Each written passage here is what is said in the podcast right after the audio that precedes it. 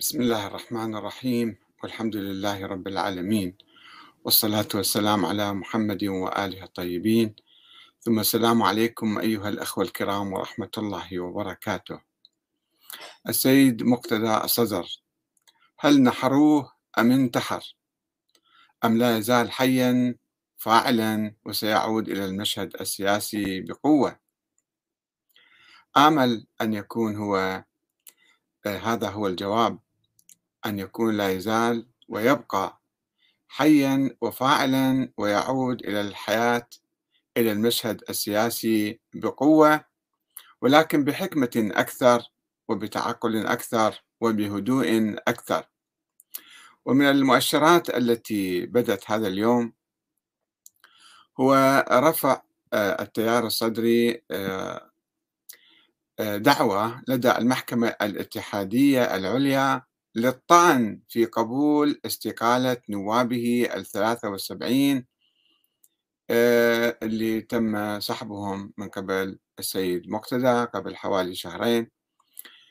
ونأمل إن شاء الله أن تنعقد المحكمة وتقبل بهذا الطعن وتعيد هؤلاء النواب إلى مجلس النواب حتى يعملوا إلى جنب إخوانهم من بقية الأحزاب والطوائف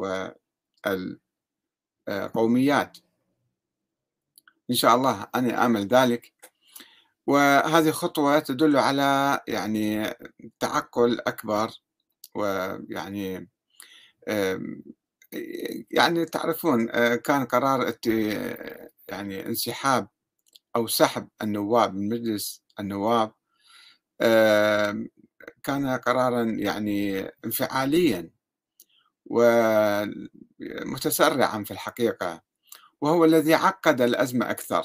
يعني لو كان شوية السيد مثلا مهدئ من خطابه ومتفاهم مع البقية يعني مو هو يشكل حكومة خلي الآخرين يشكل الحكومة ما راح تنقلب الدنيا يعني. والحكومة هي حكومته يعني هي موجود اللي هو في الحكومة وزاراته دوائر كلها موجودة. ف هذا يعني العنف والتطرف في الخصومة والتخاصم مع الآخرين لا ينتج إصلاحا ولا يعني يحل مشكلة. وأنا اليوم تذكرت في الحقيقة موقف السيد محمد باكر الصدر رحمة الله عليه.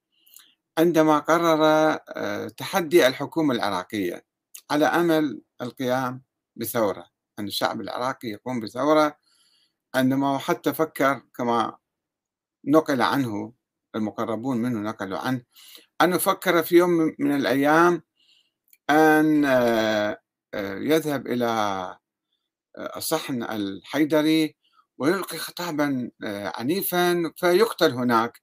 فهذا يسبب يعني مثل الصاعق الذي يفجر الثورة في العراق. و...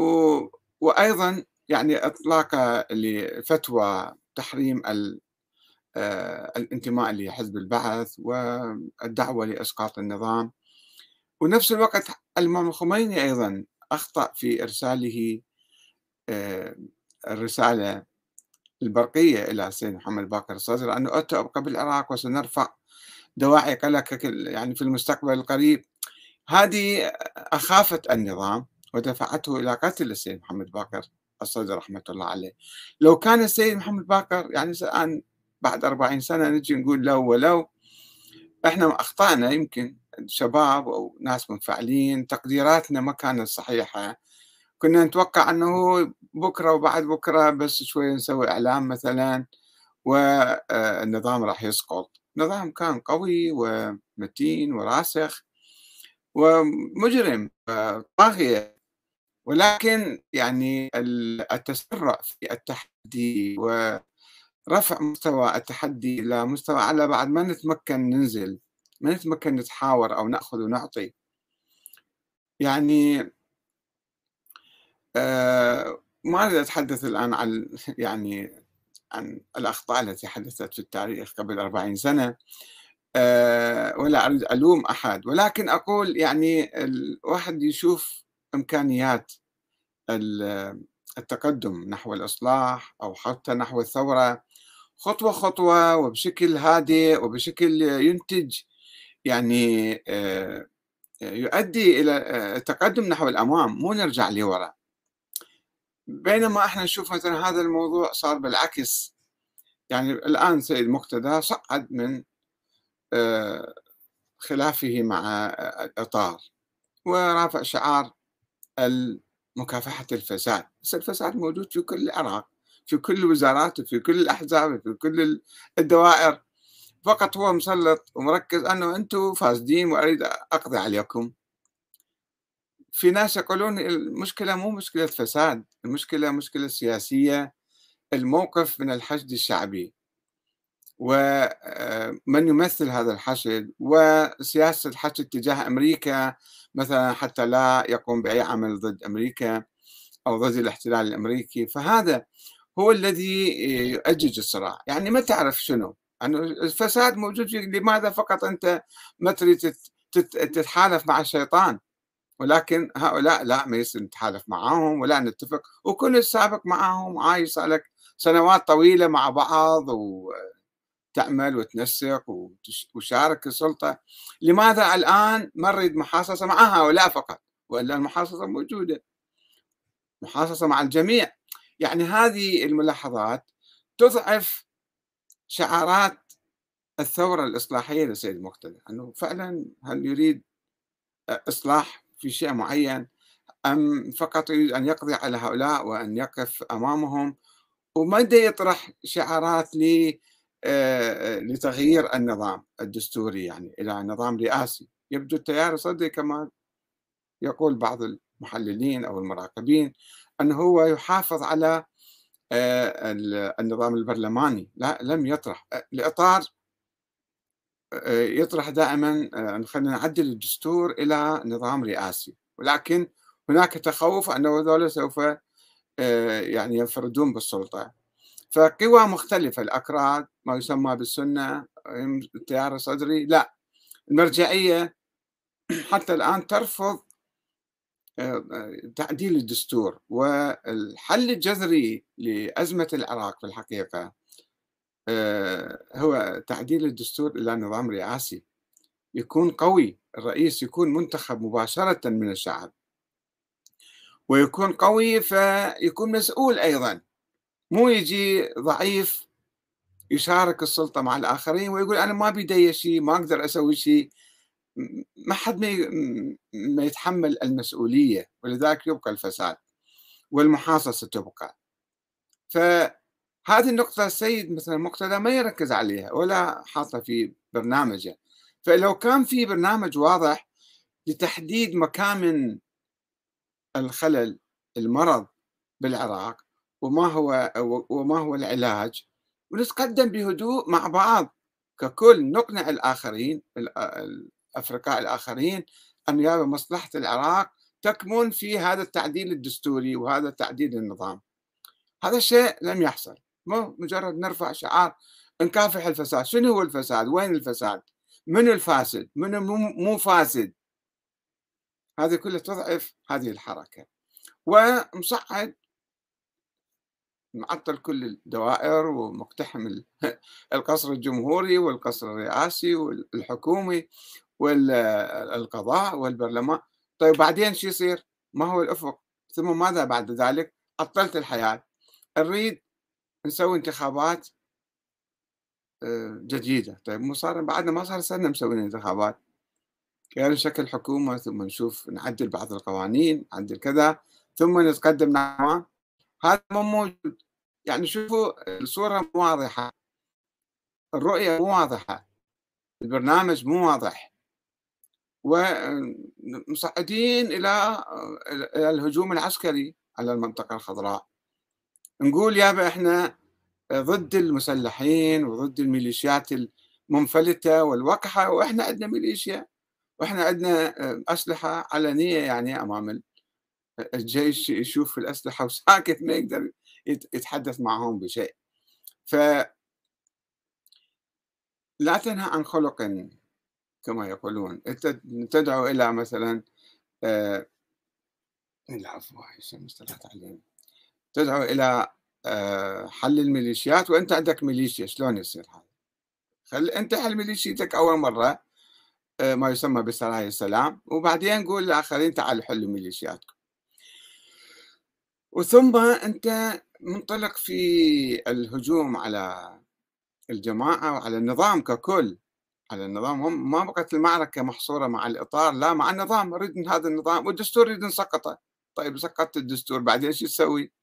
تسوي دستور جديد مع مين؟ أنت وحدك تسقط الدستور لو الآخرين كلهم يتفقون مع بعض القوميات والفئات والمكونات التي كتبت هذا الدستور تعدلوه أما أنت وحدك ما تتمكن لا سقط ولا تعدله.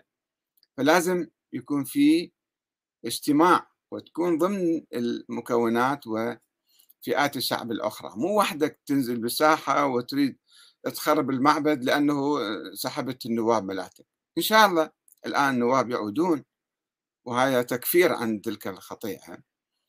أه وأنت منطلق في هذه المواجهة وعندك يعني أنت مو ما تعتبر نفسك قائد إنما يعني عندك ارتباط ب بإيران ارتباط بالسيد كاظم الحائري كمرجع. والحائري مرتبط بالخمنائي أنت قاعد تسوي حملة ضد إيران وأنت مرتبط بإيران. مرة واحدة السيد كاظم الحائري أنت ما عندك شرعية. أنت مو مؤهل لقياده الثوره تعلن مرة واحدة أنا خلاص اعتزلت نهائيا العمل السياسي وهذا الاعتزال شرعي. شنو معنى الشرعي؟ من قال لك هذا شرعي؟ واحد قال لك فتكلم ليش تقلد أصلا؟ اللي يقود ثورة. ويغير النظام. ما يمكن يقلد واحد آخر. لازم هو يكون مجتهد. هسه مو مجتهد بالفقه والطهارة والنجاسة. مجتهد في السياسة على الأقل. عنده خطة واضحة برنامج واضح عنده مستشارين يبحث الأمور بصورة جيدة ويتقدم نحو الأمام. مو بصورة هوسة يعني. هذه مثل وشفنا مرة واحدة أنا أعتزلت. اعتزال نهائي وبعد هذا اعتزال شرعي. هذا يسوون انتحار. إذا إذا سيد كاظم الحائر انحرك أو أنت انتحرت ويا بروحوا رجعوا لبيوتكم حتى مظاهرات بعد ما نريد حتى اعتصامات ما نريد. شنو سوينا؟ رجعنا لورا. والآن البلد لا يزال طبعا على آه، نار يعني خامدة على جمر. ممكن في أي لحظة يصير انفجار جديد. وهل هذا الانسحاب تكتيكي حقيقي نهائي؟ فعلا أم لا؟ مؤقت وبكرة يرجع نأمل أن يرجع السيد آه، مقتدى للحياة السياسية ولكن بعقل وحكمة وتأن وهدوء وسلام.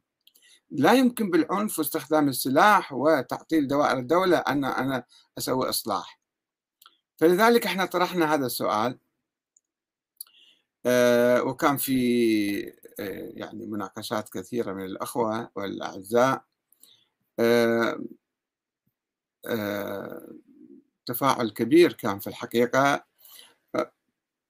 طرحنا أنه مقتدى الصدر هل نحروه أم انتحر؟ أم لا يزال حيا وفاعلا وسيعود إلى المشهد السياسي بقوة كما نأمل وكما أأمل أنا بالحقيقة. أنا لا أعتقد أن انسحاب الصدر أيضا هذا صحيح. لا هذا أيضا خطأ. يجب أن يكون موجود ولكن بهدوء يعمل. وطرحنا مجموعة أسئلة. قلنا ما هي الأخطاء التي ارتكبها الصدر؟ وأدت إلى انتكاس حركته الإصلاحية. يعني في المرة وقفوا والآن يرجعون للمجلس. هذا المجلس اللي كان البارحة كانوا يطالبون بحله. الآن مقدمين دعوة إلى آه، المحكمة الاتحادية. تعالوا رجعونا. إن شاء الله يرجعوهم أنا آمل أن يرجعوا حقيقة لأنه هذا آه، يعني ولكن هذه يعني تذبذب وتناقض وانتكاسة للحركة الإصلاحية.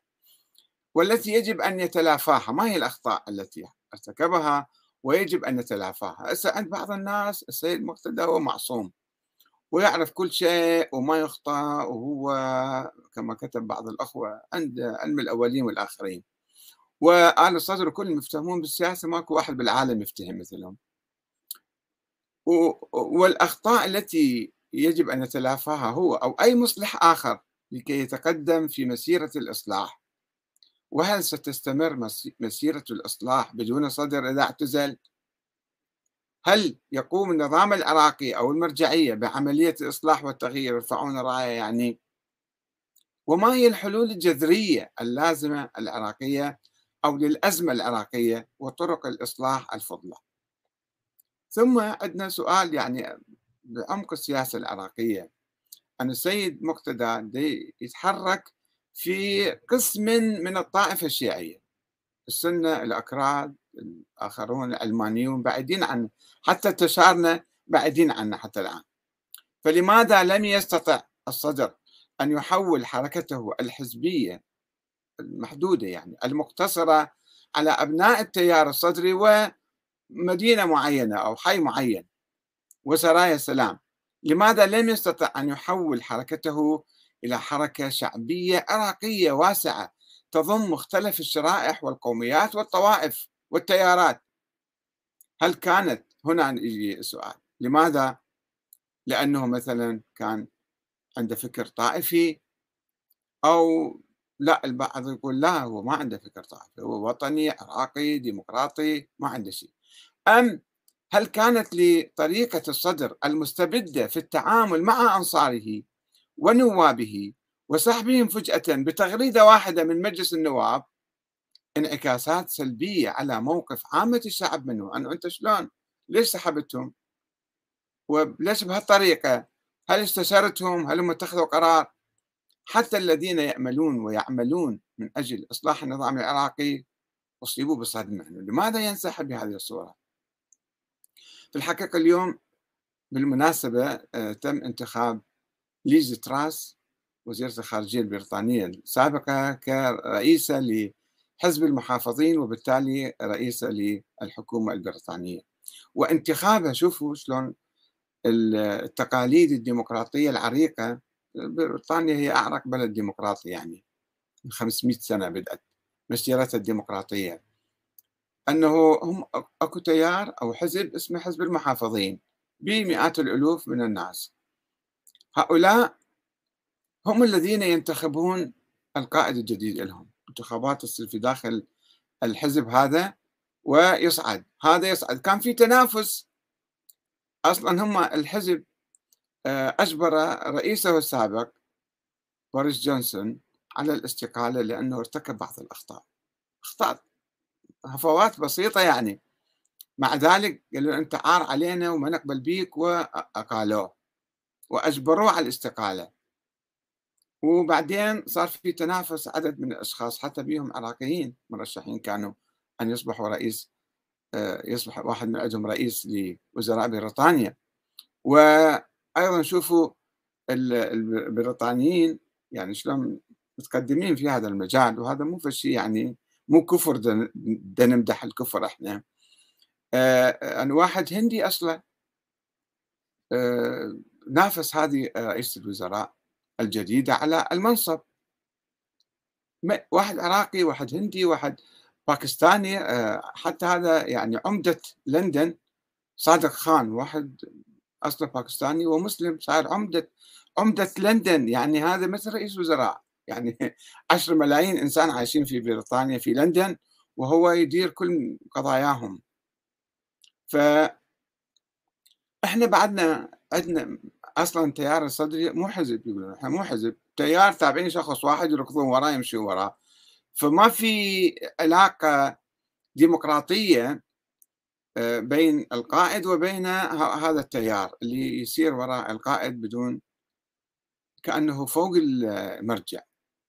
لا أكثر من مرجع مثل الإمام معصوم يتبعوه بدون أي كلام وأي نقاش. بينما مثلا قانون الأحزاب العراقية اللي أقر البرلمان ومنهم نواب التيار الصدري أنه أي واحد يدخل بالسياسة لازم يشكل حزب والحزب لازم بيه ديمقراطية داخله. لازم بيه انتخابات لازم بيه مناقشة برنامج واضح مؤتمر سنوي مصادر المال والقرارات تكون بصورة ديمقراطية مو بصورة واحد فرد يتخذ قرار بحق آه، قسم كبير من الشعب العراقي اللي يمثلوه ذولا فإحنا بحاجة هذا هو الإصلاح الحقيقي. الإصلاح يبدأ من هنا بالحقيقة هذا اقتراح أنا كم مرة تحدثت فيه. أن السيد مقتدى إذا يبدأ الإصلاح يبدأ من إصلاح التيار الصدري وإصلاح العلاقة.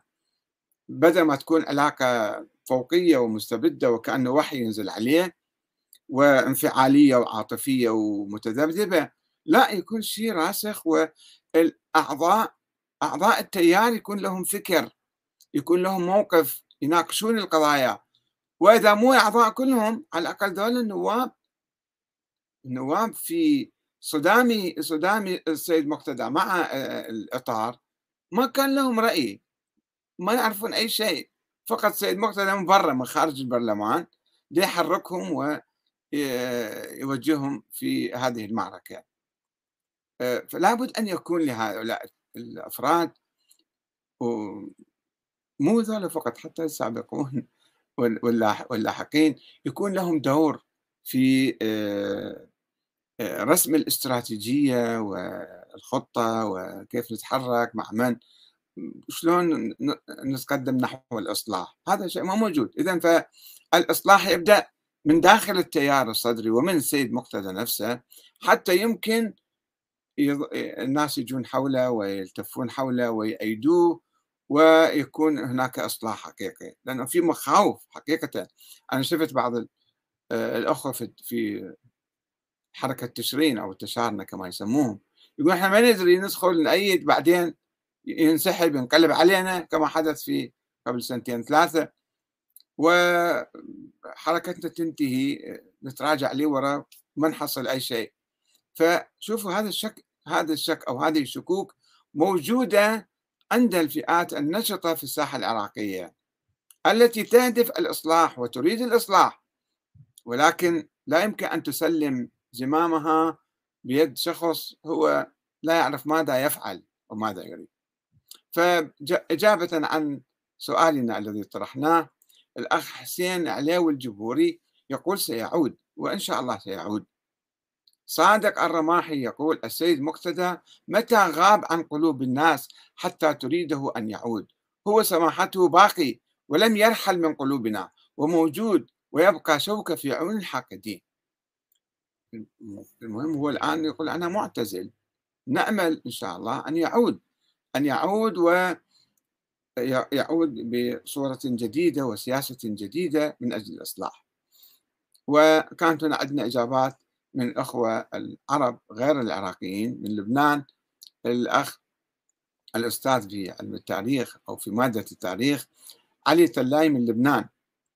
آه، قال أو علق وكتب يقول تصرفاته ومواقفه لا يمكن تفسيرها إلا إلى غياب الرؤية وعدم وجود نضج سياسي وعلمي لديه فحركته لم ترتقي إلى إطار حزبي واضح المبادئ والأهداف ولا استراتيجية معروفة عنده للوصول إلى الأهداف المجهولة. لذا فحركته ومواقفه تبدو أقرب للتهريج والعبثية. لعل التاريخ الطويل للحكم الدكتاتوري والدموي في العراق لم يتح للفاعليات والنخب في العراق للتمترس بالعمل السياسي والحزبي آه، الديمقراطي والسلمي. لذا نجد معظم القوى هي عبارة عن تجمعات عشائرية تدين بالولاء المطلق لأشخاص وصلت إليهم الزعامة بالوراثة فمفهوم المواطنة والمجتمع شبه غائب عن معظم الناس.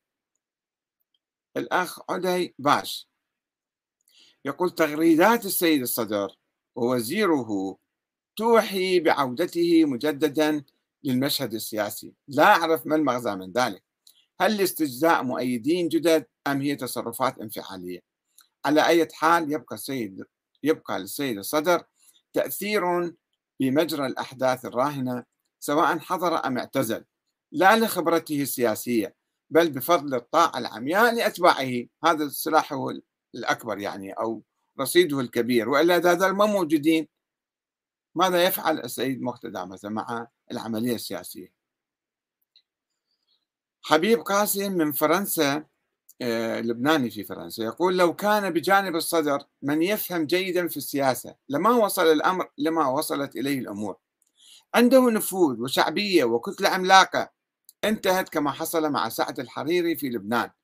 أذكر قبل عشر سنوات تقدمت للجنسية الفرنسية وسألوني في مقابلة البوليس عن رأيي في سياسيين لبنانيين والحكومة وسعد الحريري. قلت لهم سعد الحريري غير كفؤ في السياسة فأثار الأمر انتباههم وأرادوا معرفة لماذا الحريري كان طفل كان الحريري طفل آه، فرنسا المدلل. وخصومه منهم على لائحة الإرهاب. قلت لهم وقتها بأن الحريري خسر منصب رئيس الحكومة وهذه سابقة في دولة مثل لبنان وأنظمة زعامات. غير ممكن لزعيم أن يفقد منصبه عادة عادة يخلد فيه حتى موته.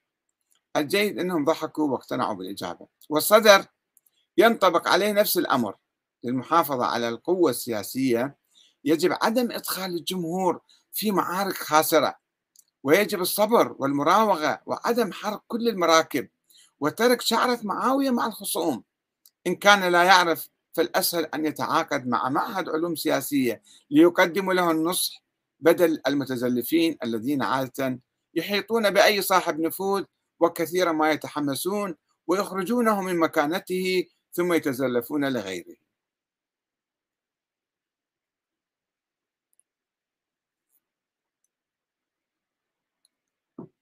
رحمن الجابري يقول التيار باقي وسيبقى أكثر مما تتصورون. فكل يوم نزداد قوة يبدو هو من التيار الأخ هذا رحمن الجابري. يقول فكل يوم نزداد قوة وشكيمة وحبا بالوطن ونبذ العملاء والتبعيين يعني شوف يا أخ رحمن السب والشتم ما يحل قضية ولا يحدث ثورة. العمل العقلاني الهادئ والسلمي ومع المحافظة على الوحدة الوطنية هذا هو الذي ينتج إصلاحا وينتج يعني تغييرا في في الحالة التي نعيشها. آه، حسين الحيدري يقول بالفعل لكن الصدر ليس شخصا عاديا وسيخرج وخلفه ضعف قومه. إن شاء الله نأمل إحنا نريده حتى أنا دعوته كم مرة حقيقة. بدون تزلف وبدون تملق حتى الناس استغربوا. دعوته أن هو يطرح نفسه بالانتخابات أو حتى من خارج الانتخابات وينتخبوه يكون رئيس العراق رئيس الوزراء. يعني شنو الإشكال؟ لأنه معمم؟ لا مو مشكلة. مثل ما انتخبوا ناس الكاظمي من خارج مجلس النواب أو انتخبوا عادل عبد المهدي من خارج مجلس النواب. ممكن ينتخبون يرشحون السيد مقتدى. خليه يرشح نفسه. لماذا يمتنع؟ خليه يتحمل المسؤوليه كاملة. موسى أي جي يقول وهل ولد من يستطيع نحره؟ وهل مثل الصدر من ينتحر؟ بل زاد نجمه سطوعا وألقا وستثبت لك الأيام ما كنت جاهلا. نعمل ذلك إن شاء الله يا أخي العزيز موسى إحنا ما عندنا موقف سلبي من, من عنده أو من أي أحد إنما نريد أن أن مسيرة الإصلاح تتواصل وتنتج. مو يصير تراجع فيها ولبكة واضطرابات وبعد شوية آه، كما قيل السيد السيستاني بعد شوية يهدد أن يصدر فتوى. بحق هؤلاء الذين هجموا على المنطقة الخضراء ويهدد حتى الصدر. لماذا تصل الأمور إلى هذه الدرجة؟ يجب أن نهدأ شوية. دفتر البافرا. واحد اسمه دفتر البافرا. يقول الرجل يتعرض لاتهامات شتى ويتهم تياره معه أيضا. وصلت بخصومه أن يتهموه بالانحراف العقائدي. وعليه أقترح على التيار أن ينعزل عن الحياة السياسية وينزوي بنفسه ويهتم بتطوير أفراد مجتمعه كما فعل أبناء المدرسة الشيخية. شلون من لم يشرح لنا الأخ؟ كيف مثلا انعزلوا كيف طوروا أنفسهم مثلا؟ هذا غامض الكلام. الظفيري آل صقر يقول النظام الموضوع والموافق عليه من قبل الأمم المتحدة وأمريكا لا يسمح بالثورة أو بالتطوير ولكن هو يريد أشخاص جاهزين أخلاقيا وتربويا من جهة السياسة ولهم أنفس لا تقبل أن يكونوا سراق أما بخصوص الصدر هو يطالب بالإصلاح ولكن ليس لديه أي مشروع بعد الثورة. بعدين شو يصير؟ نعيد مجلس النواب نلتزم بالدستور نترك كل شيء. كيف يعني؟ هو الصدر يحكم.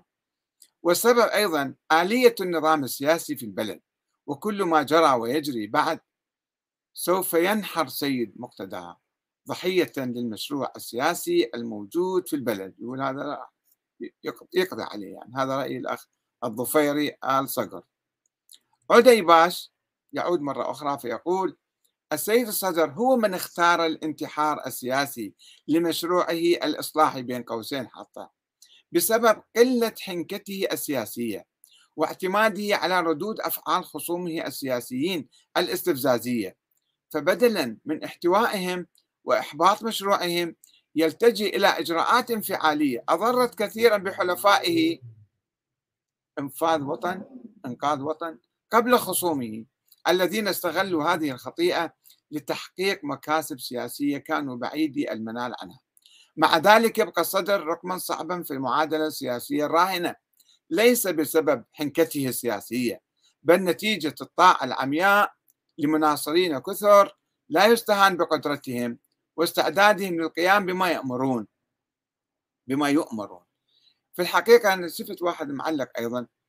يقول إحنا مستعدين حتى نموت مو فقط دولة 30 واحد في المقبرة اللي دفنوهم دولة 30 واحد الذين سقطوا في المنطقة الخضراء.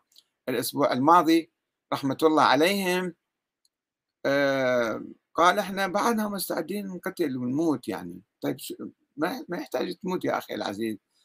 يحتاج أن واحد بحكمة وبسلام نصلح الأمور ما نريد نعقد وما نريد نجري مزيدا من الدماء. آه سالم بدر يقول سببها هو تمسكه بالمذهبية فلهذا اختصرت حركته على أتباعه من نفس مذهبه إلا النادر أو تعاطف الآخرين من السنة والكفر تعاطف فقط. لكن لو غيرت دعوته أو غيرت دعوته إلى الدولة المدنية بدل الصدرية كان أكثر نجاحا. رح رح رحمن الجابري يرد عليه يقول أعطني كلام أو بيان واحد لسيد مقتدى الصدر يحث فيه على المذهبية الضيقة. أما تعلم بأن أحد شهداء ثورة عاشوراء الخالدة كان من إخواننا أهل السنة وهذا يخالف كلامك تماما. فيرد عليه مرة أخرى سالم بدر يقول أخي العزيز تصرفه وطني وإنساني نتيجة تربيته وأخلاقه. لكن الفكر والثقافة من المذهب ولهذا هو مقيد بالمذهبية. وإلا ما قيمة كاظم الحائري مقيد به. كذلك طرح طرح الأفكار المذهبية التي أغلب العراقيين لا يؤمنون بها. واليوم كان عنده تغريدة حول آية معينة من القرآن آية التطهير كما يقولون مفسرها مو على نساء النبي. شنو شو تسوي في الموضوع؟ شنو هدفك؟ ليش يعني؟ تويتر وحاط لك موضوع حتى اتصل بي. أنا ما شفت التغريدة بالحقيقة. اتصل بي أحد الأخوان السنة الأكراد أيضا. قال شوف شوف هذا السيد مقتدى شنو كاتب وأرجوك تعرض عليه. بس هي مو في قضية جديدة ولكن هذه الأفكار وين الصب وين وين شو تؤدي إلى وين؟ يعني أهل البيت آية التطهير مخصوصة بالائمه بأهل البيت مو بنساء النبي. ثم ماذا بعدين؟ وينهم أهل البيت؟ ما موجودين. فهذا فكر طائفي. فكر طائفي عقيم ما بي نتيجة. أهل البيت من هم أهل البيت؟ فقط ظل 12 واحد لو كل عشيرة النبي. أو بقية أبناء الحسن الإسماعيليين. هم أهل البيت. ليش تطلعهم برا؟ كيف مثلا؟ هذا يحتاج تعمق في الفكر العقدي ما يسمى أو الطائفي. وهذا يعني واحد بسطحية يجي يناقش الأمور يضر نفسه وبالتالي يبعد الآخرين عنه. في هذا الوقت الدقيق. الأخ سالم بدر يقول اذا كذلك طرح الأفكار المذهبية التي أغلب العراقيين لا يؤمنون بها وأخيرا الكتلة الصدرية والصدري القح كما نشره العام الماضي الصدر القح يكون ذائب في آل الصدر وفي السيد مقتدى. وما يفكر وما يعارض وما يناقش وما يسوي شيء بس هو مثل الميت في المغسلة. هذه مو طريقة لا إسلامية ولا طريقة ديمقراطية أن نخلي نربي الناس نربي التيار الصدري على ناس أنه مثل الأموات بيدينا نحركهم كما نشاء. هذا شيء خطير جدا. بالتالي ذول يصبحون كتلة خطرة. بهالطريقة هذه ما يفكرون ما يدققون ما يسألون ما يعرفون الحلال والحرام الصح والخطأ. أنت جهلتهم وقضيت عليهم بهالطريقة هذه. شنو معناته الصدر القح؟ في هذه الحالة تضيق دائرة شعبيته. بينما لو الدعوة إلى الدولة المدنية تتوسع دائرة ثقافته مع كل المواطنين العراقيين. هذا صار جدل بين الأخوين. آه، رحمن الجابر يقول السيد مقتدى آه، دعا إلى الدولة المدنية. آه، يقول له نعم صداقة هو يجب أن يكون مدني قرآني. والرسول الأكرم قام أقام دولة مدنية عندما هاجر من مكة إلى يثرب نعم. حبيب قاسم يقول باعتقادي بعد ملاحظتي لطريقة العمل الحزبي في الشرق والغرب وعند العرب ولطبيعة الثقافة العربية. واحد التعدد الحزبي في العراق أو أغلب الدول العربية حديث العهد ومن غير المعتاد لأي فريق قبول الآخر. كل واحد هو اللي يسيطر. اثنين غالبية القوى لا تؤمن بأن بعض الحق يمكن احتماله عند الخصوم أنه يمكن ذلك يكون على الحق أيضا. على الأقل بعض الحق. لا يعتقد نفسه هو على الحق المطلق وذلك شياطين. شيطنة الطرف الآخر. هذه سياسة سياسة إرهابية مو سياسة آه، ديمقراطية. كل هذا الشخص أو ذولا الطرف ذولا شياطين. وأني ملاك. ثلاثة قلة الخبرة السياسية وعدم التعامل مع السياسة. كأنها من العلوم من حيث يجب البحث عن استشاريين. يقاربون الأمور بعلم وليس تسلق وتسلقا وزلفا وتزلفا. أربعة الظروف الصعبة للعراق وقوة إيران وتمرسها وصبرها والعمل على الوقت الطويل وليس بآنية وردات أفعال. خمسة حلفاء الصدر انفتاح الصدر على العرب أو تحديدا الخليج يضر شيعيا بعد الحرب الطائفية في سوريا والعراق. والخليج أفشل من أن يقدم للحليف هو يأخذ منه ويستغله. ستة العناصر غير المنضبطة وهي تندفع تنفع لأحزاب صغيرة تريد الابتزاز لتحصيل لقمة من الكعكة. أما الأحزاب الكبيرة فتتضرر من الأمر وتخسر بهذه العناصر غير المنضبطة. يعني هم فصلوا مسؤول سرايا السلام ليش انت هجمت؟ مو منضبط يعني كانوا. قال له هذا بعد شوي يصيرون أنتم ميليشيا وقحة أيضا. سبعه عدم امتلاك الصدر لقرار مرجعي بوزن الخامنئي والسيستاني. ثمانية لا يوجد الخبرة أو لا توجد الخبرة الكافية والكوادر التي يمكنها تدبير شؤون التيار بنجاح. وكثرة العناصر غير المنضبطة يمكن اعتباره كمؤشر. أنا غير مؤمن للأسف بإمكانية الإصلاح في العشر السنوات القادمة أقله. الإصلاح يحتاج لتغيير ثقافي جذري وللأسف العراق بوضع يشبه لبنان. تعطيل ومحاصصة وفساد وتزكية أحزاب وتدخل دول إقليمية وتطرف في التركيبة الحزبية وأموال تصرف على الفتن وأمريكا ونفط وسنة وشيعة وكرد المحاصصة قاتلة و تفرق عن التعددية. المحاصصة سرقة. التعددية ديمقراطية. أما الأخ حبيب قاسم لا يزال يتكلم ويقول أما هل نحروها أو انتحار؟ الاثنان معا. بالعكس هذا متشائم الأخ سرعة الغضب واتخاذ القرارات والتنازل عنها ساعد الخصوم أشبهه بسعد الحريري في لبنان لكن قد يعود أو يحصل انشقاق وولادة من تياره. حيدر جافي إيه، يرد عليه يبدو يقول له ومن قال لك الصدر عنده حزب بل لديه تيار شعبي والدليل الكل مطيع له حتى من خارج تياره من تيار الصدر. يمتلك شعبية من كل الطوائف لا فقط الشيعة لأنهم يؤمنون أنه رجل مصلح ويريد للعراق وأهله الأمن والاستقرار وكأن البقية ما يردون أي شيء. سعيد الغراوي يقول الصدر هو يريد واحد يصلحه. هل الفاسد يصلح فاسدا؟ عبد الله البهادري يقول والله أشوف أنت يا أستاذ أحمد مو حيادي في مناقشتك لهذه الأحداث منذ بدايتها فأنت على ما يبدو لي منحاز لطرف دون الآخر وبعبارة أخرى أنت منحاز لجارتنا المسلمة مثل ما يبدو ذلك في موقفك من حوزة النجف ومرجعيتها. يعني إذا انتقدنا الحوزة قلنا حوزة أمية أو بها أخطاء يعني الحوزة في نفس الشيء يعني نتكلم إحنا مو فقط عن النجف قم بعد أكثر من من النجف. يقول فأنت هذا موضوع ثاني ودعني الأخ آه سلام مهدي آه يقول هل أخبرك أحد المنسحبين أنه كان استبدادا قرار سحب النواب يعني؟ أم سمحت لنفسك الكذب نيابة عن ألسن الناس؟ المفروض أن تكتب الحق لأن ترك الحق وضاعة وحقاء. هل اشتكى لك أحد أم هو عقد ديني مبني على الوعي بالصلاح والسلم الأهلي؟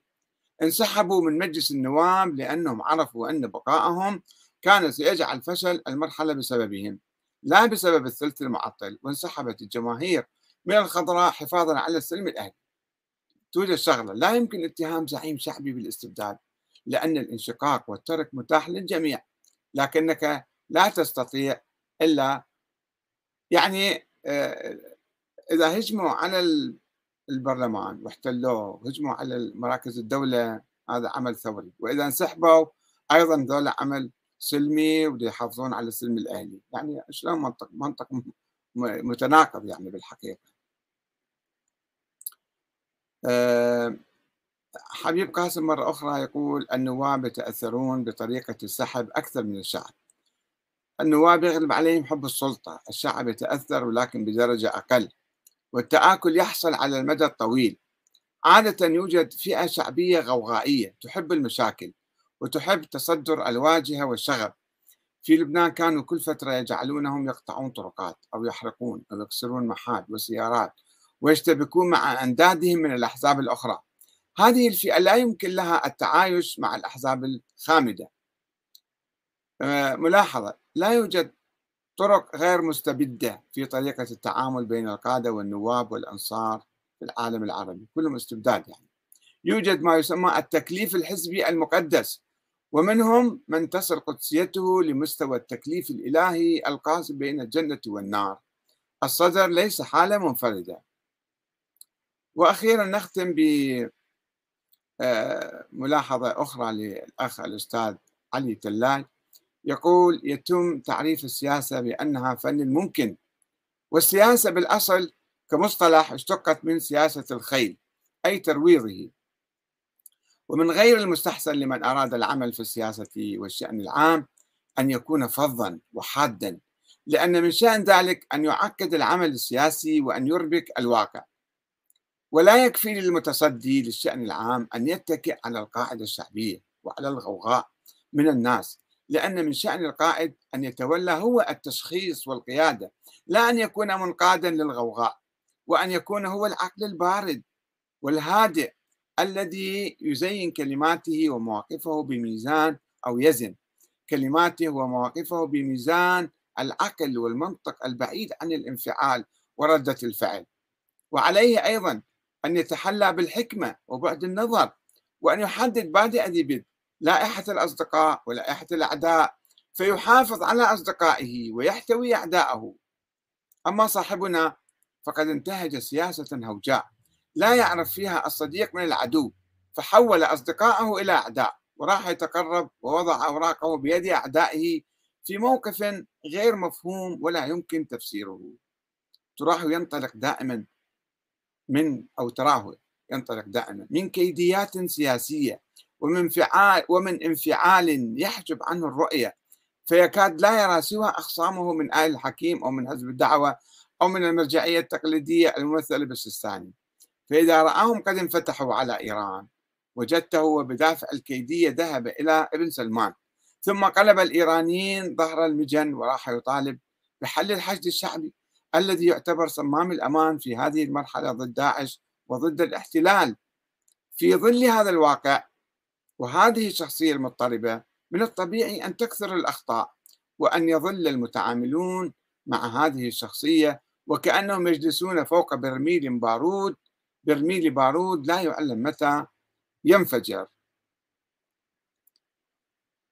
والأخ محمد توفيق يوسف يقول طالما أن هناك سمع وطاعة للمرجعيات في شؤون قيام الدولة فلا رجاء من قيام دولة وطالما أن هناك نكايات طائفية ونظام محاصصة طائفي فلا قيام للدولة وطالما يعني على أي حال إحنا هذه ملاحظات آه، أسئلة طرحناها وأخوة أجابوا عليها. نرجو أن يستمع السيد مقتدى الصدر لها وأعضاء التيار الصدري قيادة التيار الصدري إذا كانت هناك قيادة.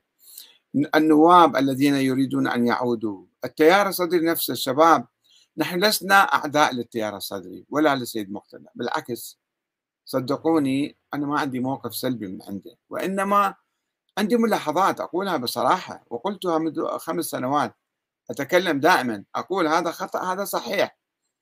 ولا آه، أن يتوقف التيار الصدري الآن السيد مقتدى بالذات آه، فترة هدوء ويعيد النظر في كل ما حدث خلال السنة الماضية. وليس منا هناك حديث عن الإمام الصادق يقول ليس منا من لم يحاسب نفسه في كل يوم وليلة. الإنسان خاصة القائد والمؤمن عليه أن يراجع نفسه يوميا ودائما ما ينفعل وما يستسلم للانفعالات وللتيار العام يقوده. يحاول أن بين فترة أخرى وخاصة في هذا المفترق الآن آه، شنو الأخطاء يعترف بها بصراحة أنا أخطأت بكذا وكذا وأصلح الأمور وأتقدم نحو الأمام. نحن نحتاج إلى شخص مثل السيد مقتدى الصدر أن يقود الإصلاح ويقود التحرير ويقود مسيرة تعديل الدستور وحل مشاكل البلاد بصورة جذرية. ونحتاج الأخوة من أبناء التيار الصدري أن يحافظوا على دمائهم ودماء الآخرين. نحن نحرص على دماء ونأسف لما وقع آه، من آه، اشتباكات وضحايا مع الأسف الشديد. وما يصير إحنا في لحظة انفعال نقول القاتل المقتول في النار ثم نقول رحمة الله عليهم بعدين. يجب أن نتكلم يعني نقل من الكلام على الأقل حتى لا نقع بأخطاء انفعالية سريعة. والسلام عليكم ورحمة الله وبركاته.